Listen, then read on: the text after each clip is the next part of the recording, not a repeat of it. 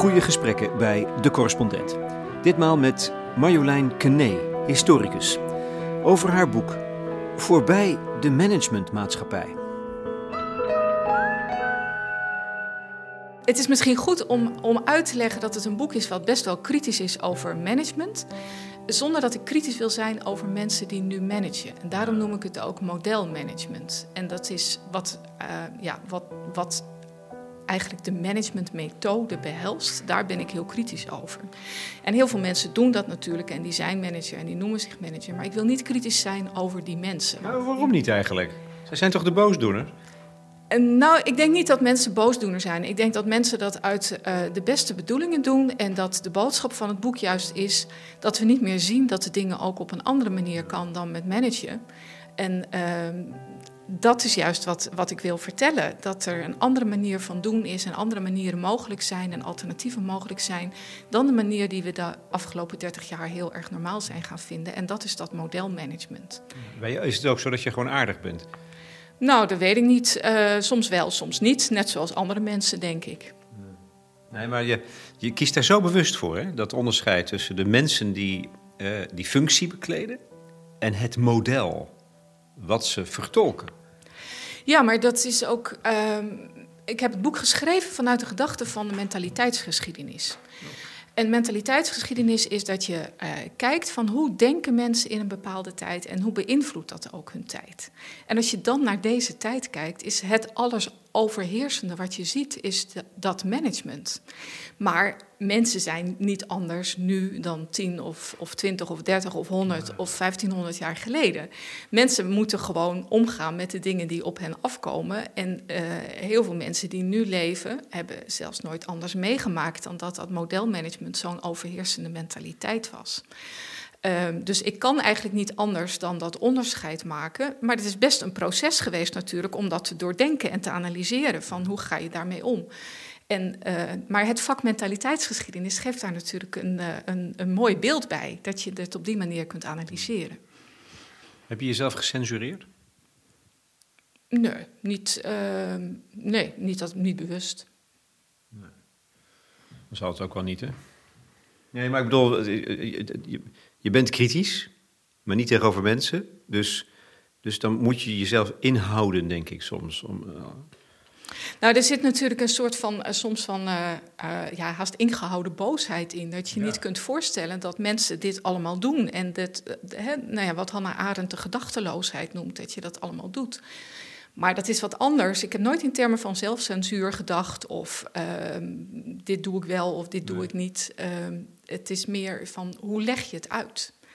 Ja, ja het is zeer helder. Dat, is het, dat vind ik de grote kracht. Er zit dus wel degelijk woede in je drijfveer. Heb jij zelf gemanaged? Ja, ik ben zelf uh, in naam in elk geval manager geweest. Ik ben uh, manager business development duurzame energie geweest bij Nuon.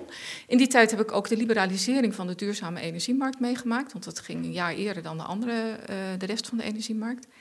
Ik heb daar ook, ben daar zelf onderdeel van geweest. Ik heb zelf een managementopleiding gevolgd. Dus ik heb dat allemaal gedaan. Maar ik ben niet een, een belangrijke of grote manager geweest of zo. Maar is er een moment waarop jou de schellen van de ogen zijn gevallen? Ja, tijdens uh, een MBA-opleiding uh, zat ik een, uh, een, week op Barton in de Verenigde Staten. En dat is, een, dat is een heel bekende management school. Dus het is management school waar Trump op heeft gezeten. Oh.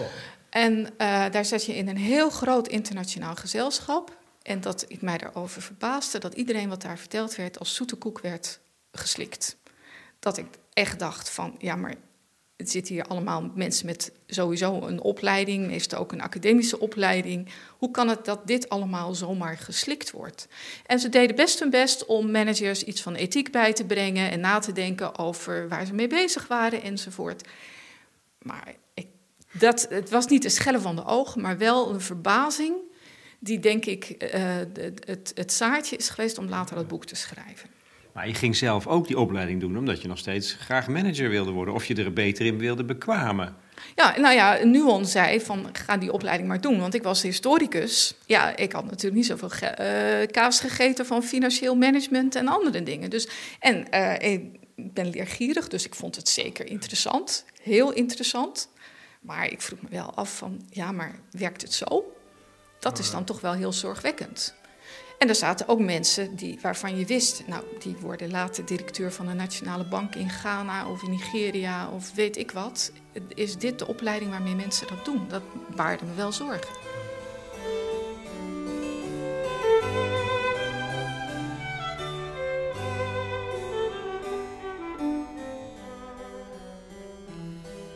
De zorgen van Marjolein Kené zitten in de ondertitel van haar boek. Haar eerste boek overigens. De invloed van management op werk, democratie en vrijheid. En die invloed, het zal niet verbazen, is niet bijster positief. En dan zeg ik het nog netjes. Toch wil ze wel perspectief bieden, een opening naar een andere toekomst. Inderdaad, voorbij de managementmaatschappij. Dat klinkt als de befaamde stip aan de horizon. Of is dat ook echte managementtaal? Uh, de stip aan de horizon betekent voor de meeste managers dat de begroting gerealiseerd is. En uh, voor. Uh, ja, en, en dat is een heel ander beeld dan dat je zegt, nou je gaat op weg en de horizon beweegt mee als je, als je aan het lopen bent. En dat de weg dus ook naar die horizon met kronkeltjes en anders kan gaan. In voorbij de managementmaatschappij gebruikt Marjolein Knees een beetje in elke zin het woord manager of managementmodel. Ik overdrijf niet. En toch is het leesbaar.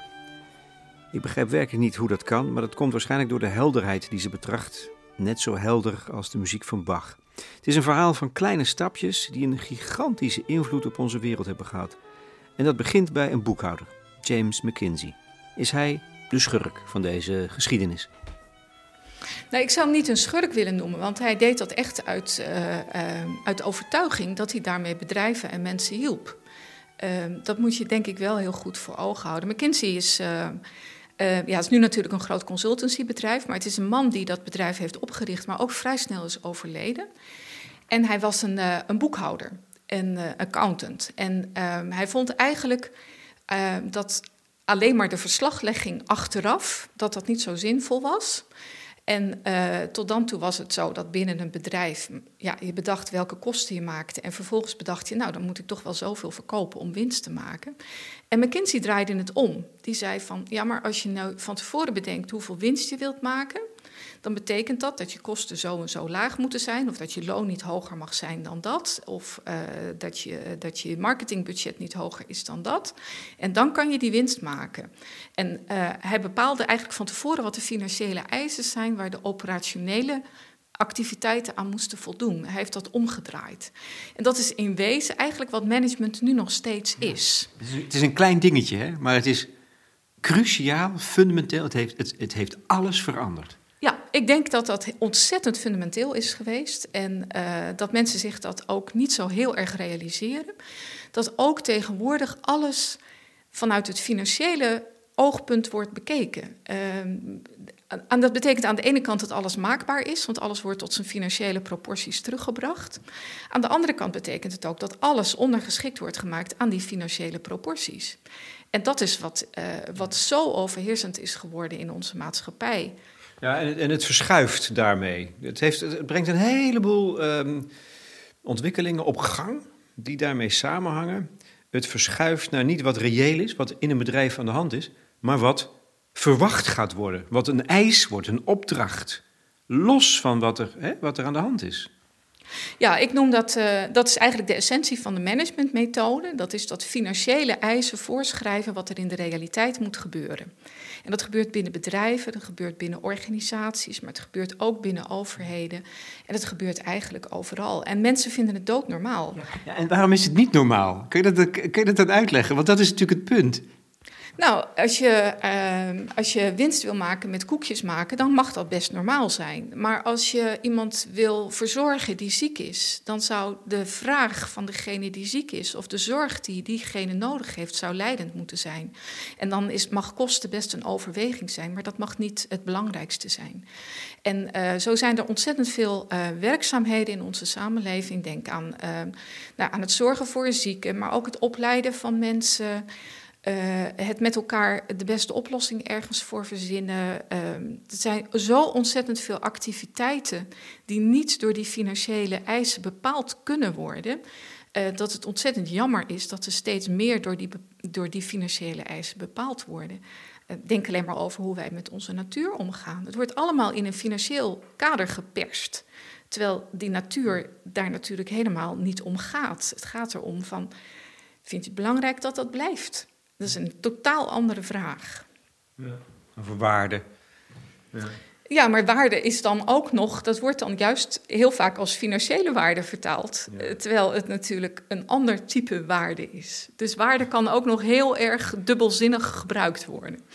Ja, dat, uh, dat, ik, ik, deed het gedachteloos. Gedachteloos.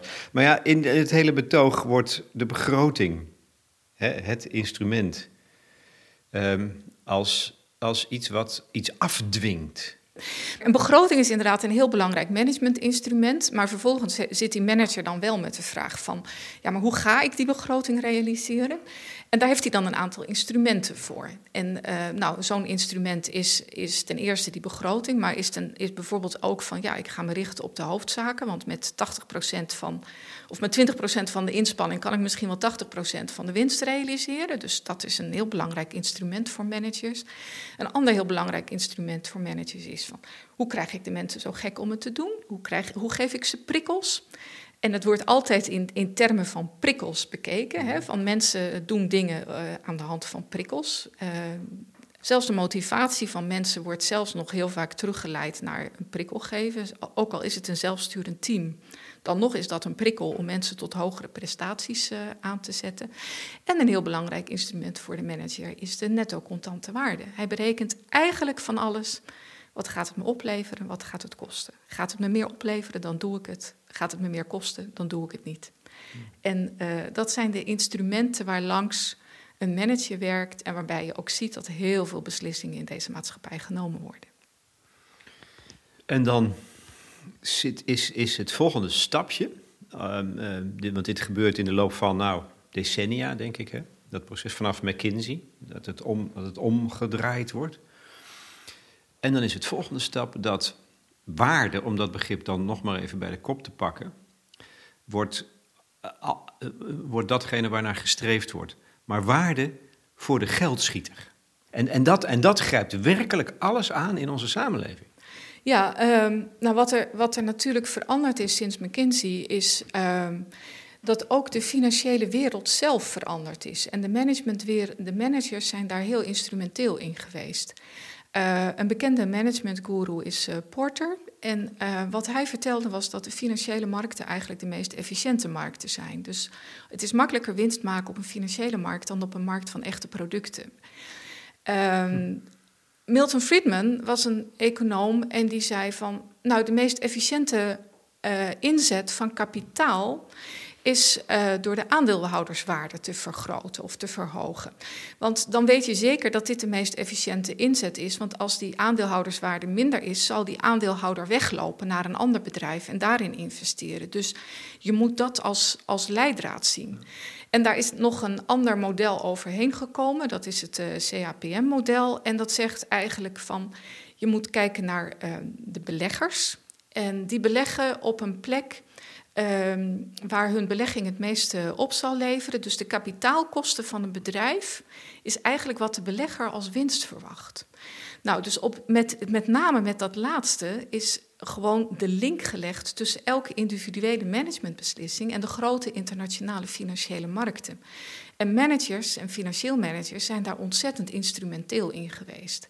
En dat is een, een ontwikkeling die zich uh, ja, zeg maar de laatste 20, 30 jaar heeft afgespeeld. Uh, dat is ook de, de inhoud van wat mensen op een echte managementopleiding leren.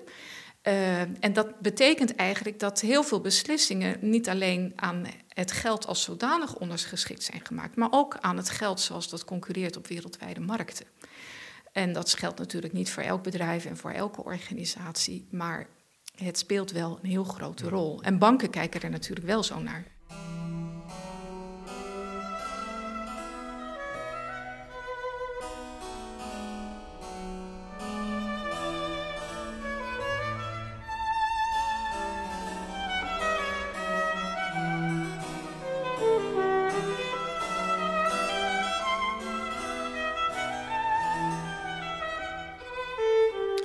Oké, dit is stap 2.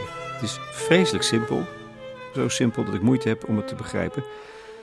omdat het in de loop van de decennia vanzelfsprekend is geworden en tegelijkertijd funest. Vanaf McKinsey staat de begroting voorop als ijs, als de te volge route aan het eind wacht te behalen winst. Dit maakt de weg vrij voor mensen die in kapitaal handelen wereldwijd, de investeerders, de beleggers. En hierdoor verschuift er iets essentieels. Het gaat er vanaf nu niet meer om dat bedrijven en organisaties optimaal functioneren, hè, om het doel te bereiken waar ze voor in het leven geroepen zijn. Wel nee, ze worden louter speelbal in de jacht op kapitaal van mensen die niets met die bedrijven en organisaties te maken hebben. Om met Kruif te spreken, je ziet het pas als je het doorhebt. Zoals Kene het uh, formuleert, het leidt ertoe dat stelselmatig geld uit al die organisaties en bedrijven wordt weggehaald. In plaats van dat het wordt ingezet om het doel te bereiken. Ja, het management is heel vaak opgericht om geld uit organisaties te halen. Um, dat is niet altijd de directe belegger of de aandeelhouder. Het kan ook het financieel regime zijn. Hè? Van, uh, ja, een overheid wil ook dat iets zo goedkoop mogelijk gebeurt. En er moet altijd bezuinigd worden. Dat is ook een manier van geld uit organisaties halen. En um, ik denk ook dat het zo is dat we erop vast gaan lopen. Want op deze manier kunnen wij niet meer de problemen waar we voor staan oplossen. Als je als je uh, doel telkens is om het onderwijs zo goedkoop mogelijk te maken, of om de zorg zo goedkoop mogelijk te maken, of om alles zo goedkoop mogelijk te maken, dan kun je het op een gegeven moment niet meer goed doen. En uh, we zien ook dat we daar soms op vastlopen. Uh, en de vraag is van, ja, hoe ga je daar nou mee om? Ja. En wat ga je, hoe ga je uh, die beweging weer omdraaien. Want er is natuurlijk niks tegen. Kijk, je geld kan je ook maar één keer uitgeven. Dus het mag best zijn dat je daar goed over nadenkt. En uh, overheden moeten zich daar ook over publiek verantwoorden. Maar dat de richting altijd is dat het geld uit de organisatie gehaald wordt, daar, daar gaan we op vastlopen. Ja. De, de, de waarde die gecreëerd wordt, is de waarde voor de geldschieter. En die zit buiten de organisaties en de bedrijven. Zo werkt het. Dat is altijd, je werkt voor iets wat buiten jouzelf is of buiten jouw organisatie is. Uh, terwijl het doel van een organisatie natuurlijk is om het werk binnen die organisatie zo goed mogelijk ja. te doen. Uh, en um, ja, als dat doel buiten beeld is, dan is het ook heel erg moeilijk om, om dat goed te blijven doen. Um, en dat, nou ja, ik. Maar als je het zo uitlegt, Marjolein, is het zo simpel. Denk je, waarom doorzien we dat niet? Of waarom verdommen we om aan dat spel mee te werken met z'n allen? Um, nou ja, dat, dat triggerde mij natuurlijk ook heel erg. En voor mij was een eye-opener het werk van een uh, Poolse schrijver, Czeslaw Miłosz. Ik denk dat ik het zo uit moet spreken. En die, um, die beschrijft hoe, hoe Russische of Sovjet-intellectuelen zich langzaam maar zeker gingen onderwerpen aan het, materialist, aan het dialectisch materialisme. En uh, hij, hij, geeft daar wat redenen voor. En hij zegt, nou, een heel belangrijk uh, effect is dat mensen, en dat is heel menselijk, die willen onderdeel zijn van iets groters. Die willen onderdeel zijn van een groter geheel. En als je dezelfde taal spreekt, werk je aan hetzelfde. Ben je onderdeel van het grotere geheel. En dat management en die managementtaal is natuurlijk een heel belangrijk onderdeel, waardoor mensen zich van een groter geheel, deel van een groter geheel voelen. En mensen ook het idee hebben dat ze iets positiefs bijdragen. Uh, dus ik, nou ja, hij noemt nog wat andere dingen. Een ander is bijvoorbeeld um, dat het uh, heel erg zinloos lijkt om je daartegen te verzetten. Want ook als je je daartegen verzet, het gaat toch wel door. Dus waarom zou je daartegen verzetten? Dan kan je maar beter gewoon het zo goed mogelijk meedoen. Uh, en nou ja, je hoort heel veel verhalen ook van managers. Van ja, die liggen ze wakker van dat ze mensen hebben moeten ontslaan. Maar denken ze van ja, het moet toch, dus ze doen het toch. En het is ook heel moeilijk om je daartegen te verzetten, want er is natuurlijk langzamerhand zo ontzettend veel managementliteratuur en zo ontzettend veel dingen waardoor mensen denken dat dat hetgene is zoals we de dingen moeten doen, dat er ook wel heel wat kracht voor nodig is om je daartegen te verzetten. Dus er zijn allemaal heel menselijke dingen, waardoor het ook heel verklaarbaar is um, dat, dat mensen meegaan in dat managementdenken. Dat is denk ik ook heel puur menselijk. Er zijn ook zoveel opleidingen voor. Ja, mensen worden erin opgeleid. Um, het hele denken in de maatschappij is, is langzamerhand zo. Uh, het, het, ja, management is, het is een methode binnen bedrijven, maar het is ook een, een mentaliteit en een gedrag wat mensen zichzelf aanleren. Van, nou ja, als het, als het financieel gunstig is, dan moet ik het doen. Ja. En niet, anders niet. Uh, dat is een heel normale mentaliteit en gedrag in deze samenleving. Terwijl er natuurlijk heel andere overwegingen kunnen zijn. Hoe ironisch is het dat dit een neoliberaal systeem is, manier van denken, dominant uh, model in het kapitalisme. Maar je kunt het dus net zo goed vergelijken met um, Sovjet-communistisch, totalitair, afgedwongen um, economisch gedrag. Dat is, dat is pijnlijk. Ja, nou, het is natuurlijk wel een heel groot verschil dat in de Sovjet-Unie uh, was het ook een dictatuur en wij leven in een, uh, in, in, een, in een democratie. En dat, ja, moet dat is de vraag. Dat is de vraag of dat niet totalitaire trekken heeft gekeken, terwijl we dat gewoon niet doorhebben. Ja, het, het, boek van Milos, dat heet uh, De geknechte geest. Ja. En wat hij als kenmerk daarvan ziet, is dat mensen zich op een gegeven moment geen alternatieven meer kunnen voorstellen. Dat er geen verbeeldingskracht meer is of voorstellingsvermogen om zich alternatieven voor te stellen.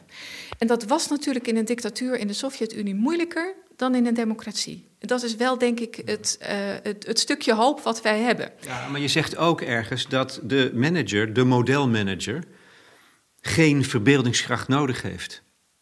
Heeft hij allemaal niet nodig. Geen kunst, geen alles wat, wat haak staat op zijn manier van denken, heeft hij niet nodig. Nee, om, uh, om zijn beslissingen te nemen heeft hij dat niet nodig. Um, maar als je een alternatief hebt of een, of een ideaal of een ander idee, kan je ook andere dingen gaan doen.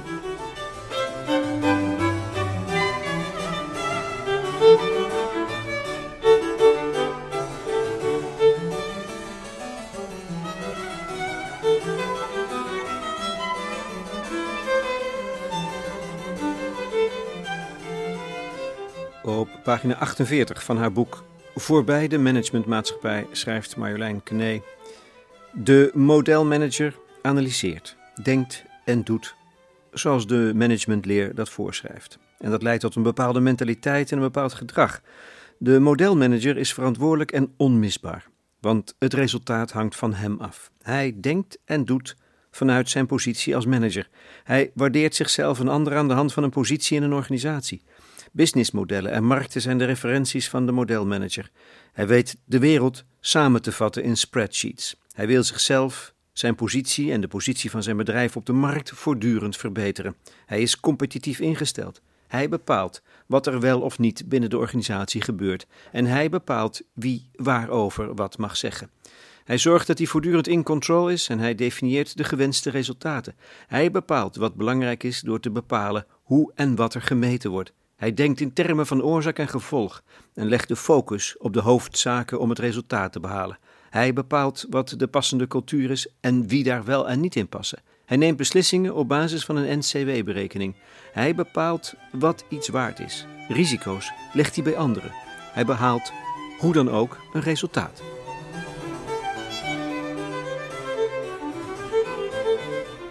Je zegt uh, de aantrekkelijkheid van die managementleer, waarom het misschien wel als een soort virus uh, over de maatschappij zich heeft verspreid, is de eenvoud ervan. Intellectueel is het schamel. Ja, het is natuurlijk intellectueel heel simpel. Uh, je kunt altijd managen, in welke organisatie dan ook. het is altijd toepasbaar.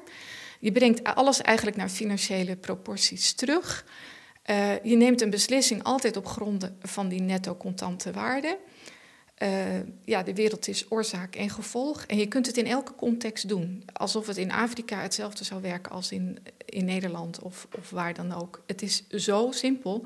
En je hoeft ook geen rekening te houden met, uh, met wat er om je heen gebeurt. Want je hoeft alleen maar je eigen resultaat te behalen. Dus dat je ondertussen de natuur verpest, of dat er sociale ongelijkheid ontstaat, of dat er bittere armoede ontstaat, of dat je ziekte en verderf zaait, daar hoeft de manager ook niet over na te denken. Dat hoort dus echt niet tot de taak van de manager, expliciet niet binnen dat model. Binnen dat model van modelmanagement hoort het daar niet bij.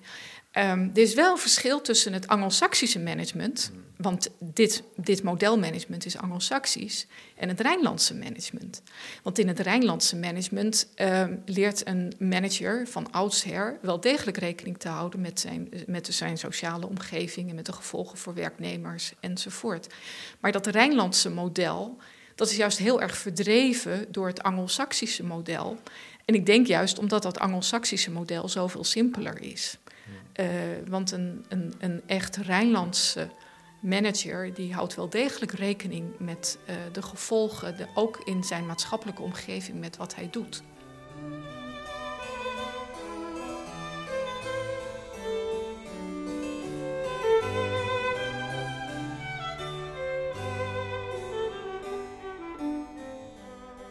En dat is het tweede grote punt. Het managementmodel tast het wezen van de democratie aan in de optiek van Marjolein Quenet. Als een soort betonrot. Het democratische mensbeeld botst op het mensbeeld van de manager. Hij ziet de mens als homo economicus. De mens doet alles alleen om er zelf beter van te worden. In het mensbeeld van de, uh, van de, uh, de modelmanager of van de neoliberaal is de staat ook een organisatie en die moet ook zo efficiënt mogelijk zijn. En de staat levert diensten en heft belastingen. Maar in het democratische idee over uh, de overheid en de staat is de staat de vrijheid. Want de staat zorgt dat wij eh, beschermd worden en dat wij ook tegen elkaar beschermd worden en dat wij onze eigen ideeën mogen hebben en dat wij verschillend mogen zijn. Dus die, die twee beelden die zijn totaal verschillend. En wat je ziet is dat er veel meer nu geredeneerd wordt vanuit het mensbeeld en het ordeningsdenkbeeld van de manager en de neoliberaal dan vanuit het mensbeeld en het ordeningsdenkbeeld van de, de democraat, of dat nu een sociaal-democraat of een christendemocraat of een liberaal-democraat is. Maar dat is een ander type denken en een ander, ander uitgangspunt. En die twee uitgangspunten zijn strijdig met elkaar. En wat ik in mijn boek betoog is dat wanneer zelfs de politiek en de politici zo in beslag genomen worden door dat managementdenken, dat een heleboel van dat andere denken verloren gaat. En dat is wel, uh, dat is wel een zorg voor mij. Ja. Want alles wat menselijk is, wat niet meteen productief is in termen van winstmaximalisatie, wat gaat over verschil tussen mensen, over minderheden, dat valt buiten het blikveld. Dat moet buiten het blikveld vallen, want anders kan een manager niet functioneren. Nou ja, een manager functioneert uh, bij wijze bij, uh, bij gratie ook van standaardisatie. Want ook alleen maar als je standaardiseert kun je vervolgens iets in financiële termen neerzetten. Um, en je, je ziet dat in het politieke debat het ook veel meer over standaardisatie gaat. Je ziet ook dat het politieke debat veel meer de kant op gaat van. Uh, nou, de meerderheid, uh, we hebben democratisch besloten, het is de meerderheid plus één, dus dat gaan we doen. En dat er veel minder rekening gehouden wordt met de belangen van de minderheid of de, de, belangen van de mensen die geschaad worden bij een bepaald besluit. Daar kan je ook mitigerende maatregelen voor nemen. Maar het is heel vaak alles of niets.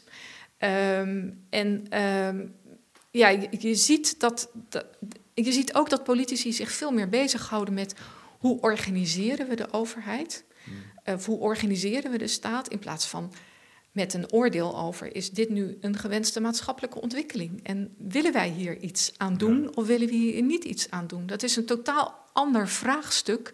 En heel veel vraagstukken worden zo gemarginaliseerd tot een managementvraagstuk in plaats van tot een, een politiek of een ethisch vraagstuk, uh, waardoor politici eigenlijk ook hun rol verliezen. Uh, want dat is juist wat ze moeten doen. Ja, die zijn hun rol kwijt. Uh, ja, nou ja, er zijn natuurlijk altijd politici die dat wel proberen weer terug te pakken en te doen. Um, maar er zijn ook heel veel politici die eigenlijk vervallen in van um, ja, het runnen van de BV Nederland. Eh, Herman Tjenk-Willink heeft er ook uh, uit, al 40 jaar op gewezen. Ze is een van de weinige roependen in de woestijn, volgens mij. Ja, hij, uh, hij is daar natuurlijk ook onderdeel van geweest. Hij heeft het ook zelf meegemaakt. En uh, misschien moet je wel eerst onderdeel ervan zijn om het dan vervolgens ook te kunnen zien. En dat geldt voor mij natuurlijk ook. Ik heb natuurlijk ook gewoon in bedrijven gewerkt, waardoor je het ziet. Ja, ja je, je, kan het ook heel goed zien aan de, aan de veranderende functie van de ambtenaar, denk ik. Ja, nou, dat is. Uh, ambtenaren hebben ook andere functies gekregen. Ambtenaren zijn natuurlijk ook het gezicht van de overheid. Uh, ja, het loket waar de beambte zit is voor, voor een burger, zeg maar, de plek waar die, uh, waar die in contact komt met de overheid. Maar als een ambtenaar ook uh, in een keten moet werken en gestandaardiseerd iets in een computer moet stoppen, kan hij die rol als intermediair tussen de burger en de overheid eigenlijk niet meer goed volgen, niet meer goed volhouden. Dan, dan, en, dan, en als binnen een organisatie ook veel meer top-down geregeld wordt wat die ambtenaar moet doen, kan die ambtenaar eigenlijk ook niet meer teruggeven wat hij in de maatschappij ziet en wat hij bij burgers ziet naar, naar de top. Uh, en dat, die wisselwerking zou, zou juist een ambtenaar juist ook de laag, ja, de, de loketmensen, oh, nou, zeg maar, zou iedereen zou ja, daar juist een heel belangrijke rol in kunnen spelen. En wat je ziet is, ja, als je gewoon heel, heel praktisch kijkt, zijn heel ambtenaren eigenlijk alleen maar bezig met aanbestedingen. Die zijn aanbestedingen aan het doen. Uh, en op het moment dat dat gebeurd is, is, heeft de overheid eigenlijk ook geen controle meer op of geen invloed meer op. Want dan, ja, dan is de, de thuiszorg aanbesteed en het is voor een bepaalde prijs en de steunkous gaat in vijf minuten aan. Maar die ambtenaar kan zich niet meer bezighouden met van gebeurt dat wel goed en wordt er wel goed genoeg naar onze klanten gekeken. Dat is ook zo'n klein stapje? Dat wat je, wat je nu noemt, aanbesteden. Dus dan, dan, dan zet je het eigenlijk weg bij anderen en heb je er als overheid zelf niks meer over te zeggen. Jongen.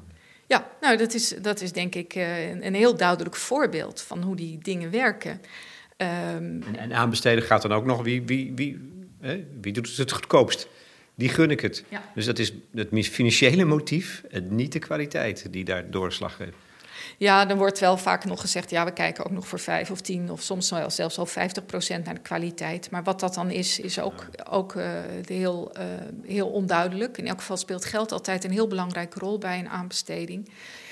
Um, ja, en op het moment dat het contract getekend is, is er verder natuurlijk, eh, en dat hoor je dan ook, dan zegt, eh, zegt een wethouder, ja, nee, uh, dit is het contract, hier ben ik aan gebonden. En dan kan die ook niks meer.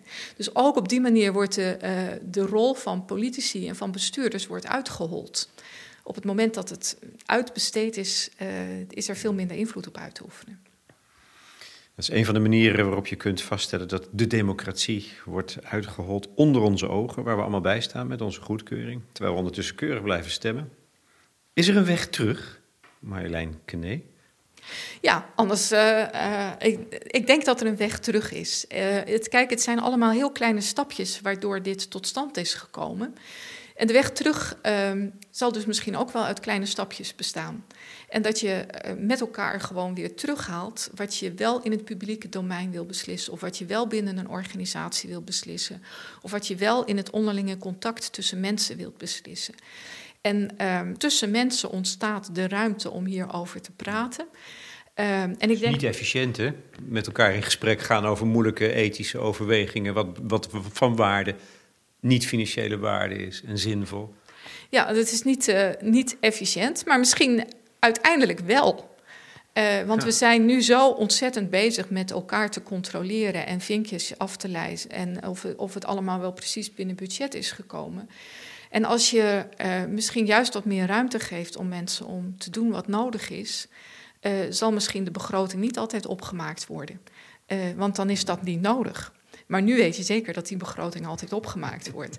Dus er zitten ook twee kanten aan. En ehm, ik denk dat, dat ja, het is een. Ehm, kijk, ik heb mijn boek ook geschreven omdat ik wilde laten zien van het zijn allemaal van die kleine stapjes in die mentaliteit geweest.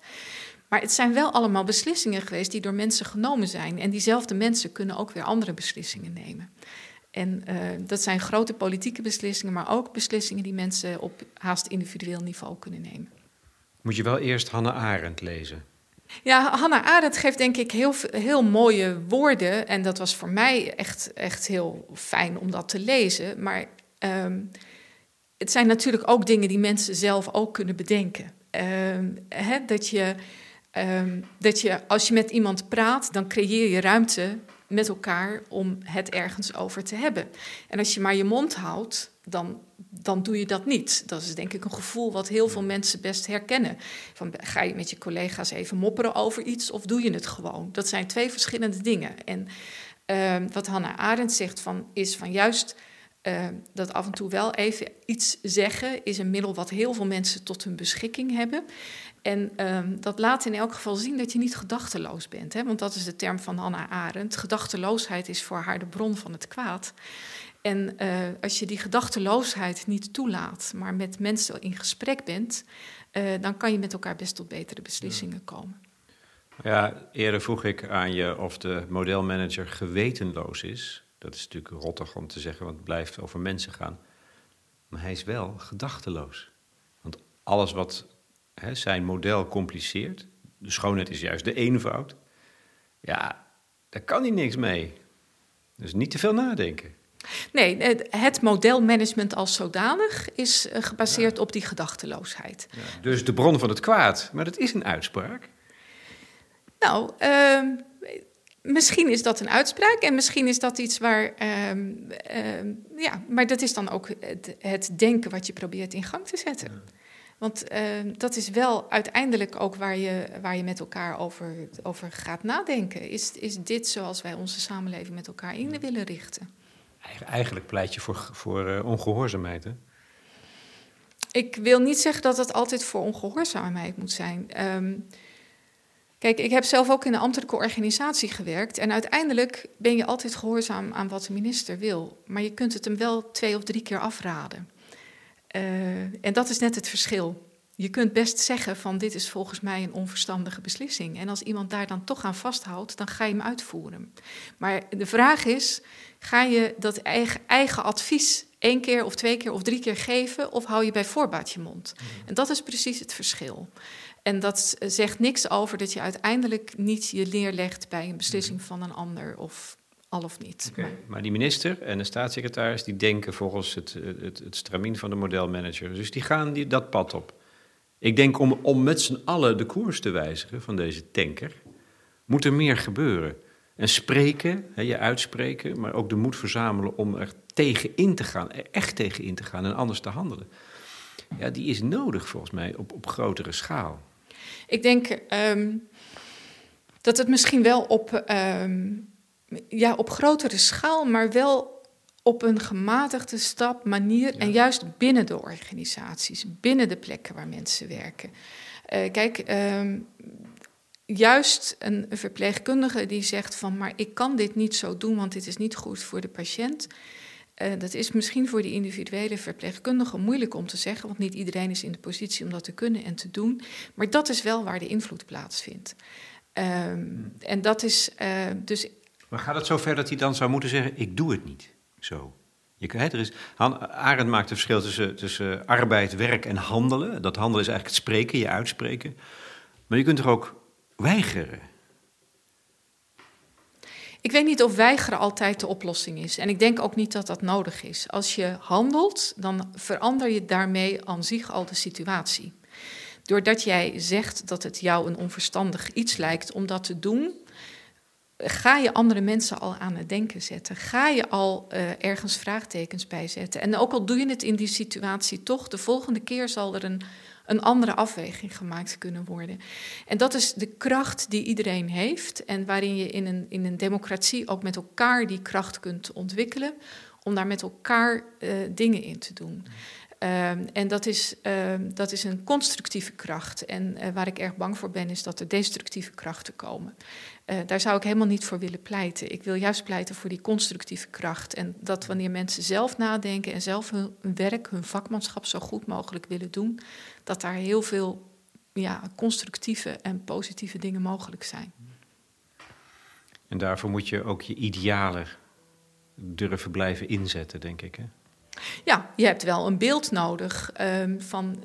Um, is dit de wereld zoals die zou moeten zijn? Uh, nou, voor die verpleegkundige zou ik deze patiënt op deze manier het liefste willen behandelen.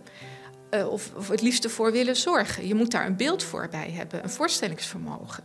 Dus nou, daarom is onderwijs ook heel erg belangrijk natuurlijk. Als je dat beeld niet meer hebt, ja, dan is het een geknechte geest zoals uh, dat zei. Dan, dan, dan heb je geen alternatief meer. Maar ik denk dat mensen voldoende uh, mogelijkheden nog hebben om een voorstellingsvermogen te voeden, om alternatieven zich voor te stellen. En dat dat ook de kracht is om dingen te doen. Voorbij de managementmaatschappij. Ja, het is een stip aan de horizon en het is, hij is bereikbaar. Ja, het is, uh, het is denk ik geen stip op de horizon. Ik zeg, als mensen stappen zetten, dan beweegt de horizon met je mee. En dat is een, uh, vind ik een interessanter beeld. Uh, want er is achter de horizon altijd iets anders. Dankjewel.